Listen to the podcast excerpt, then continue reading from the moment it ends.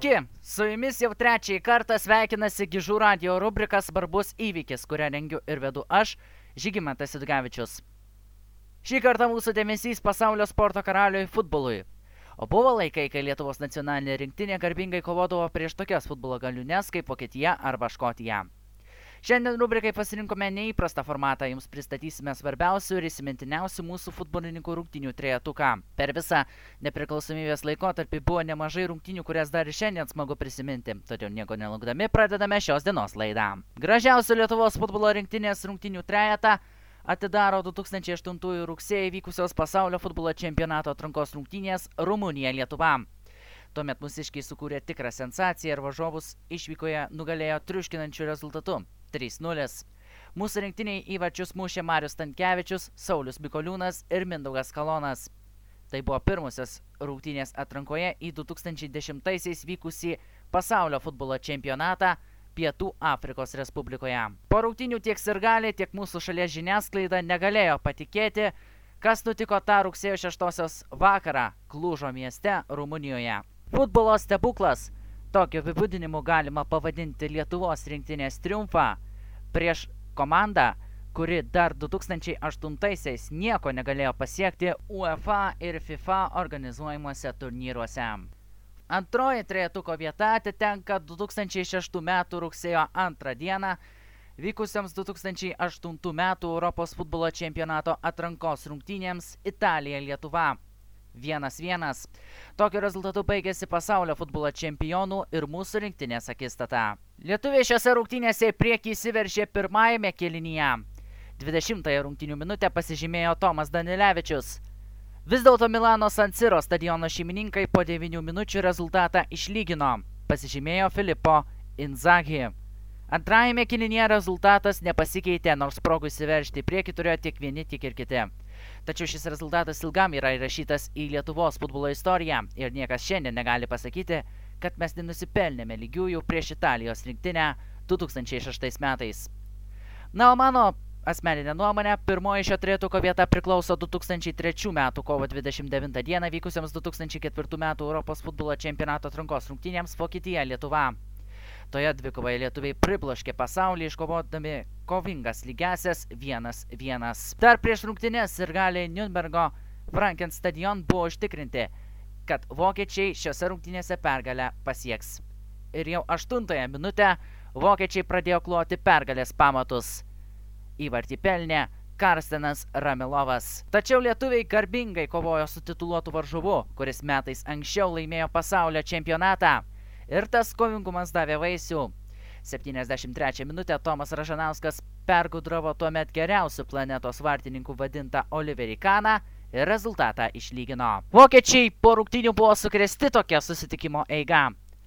O po kelių dienų apie lietuvių išplėštą tašką Vokietijoje kalbėjo didžiausios pasaulyje agentūros Reuters, CNN, AP, TAS, DFA AFP. Vis dėlto dar šiandien smagu prisiminti, kad šio amžiaus pradžioje Lietuvos futbolas turėjo ne vieną progą švesti arba dėl iškovotų lygiųjų su stipriamis rinktinėmis, arba dėl triuškinančių ir stebuklingų pergalių. Tiek šiandien Gižų radio rubrikoje svarbus įvykis.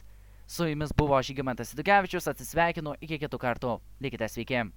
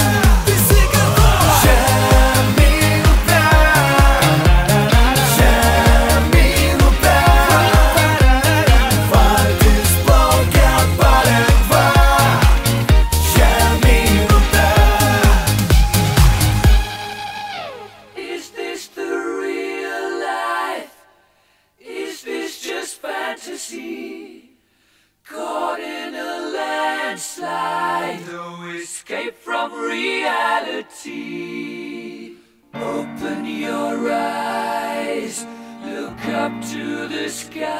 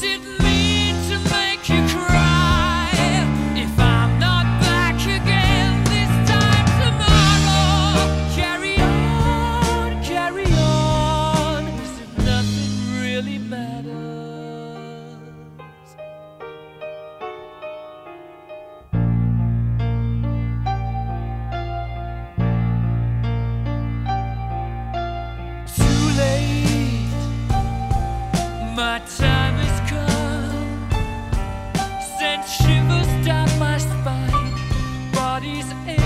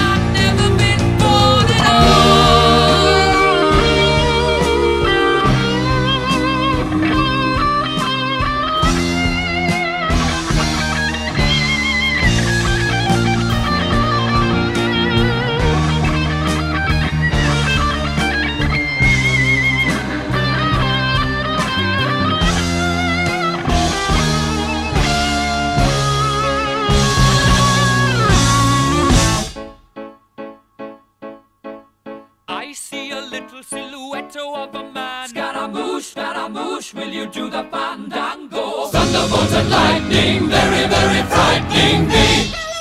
Galileo, Galileo, Galileo Figaro. Magnifico! I'm just a poor boy, nobody loves me. He's just a poor boy from a poor family, sparing his life from this monstrosity. Easy come, easy go. Will you let me go? Bismillah. No, we will not let you go. Let him go. Bismillah. We will not let you go. Let him go. Bismillah. We will not let you go. Let me go. We'll not let you go. Let me go. We'll not let you go. Never let me go. Oh, mamma mia, mamma mia. Mamma mia, let me go. Beelzebub has a devil put aside for me. For me.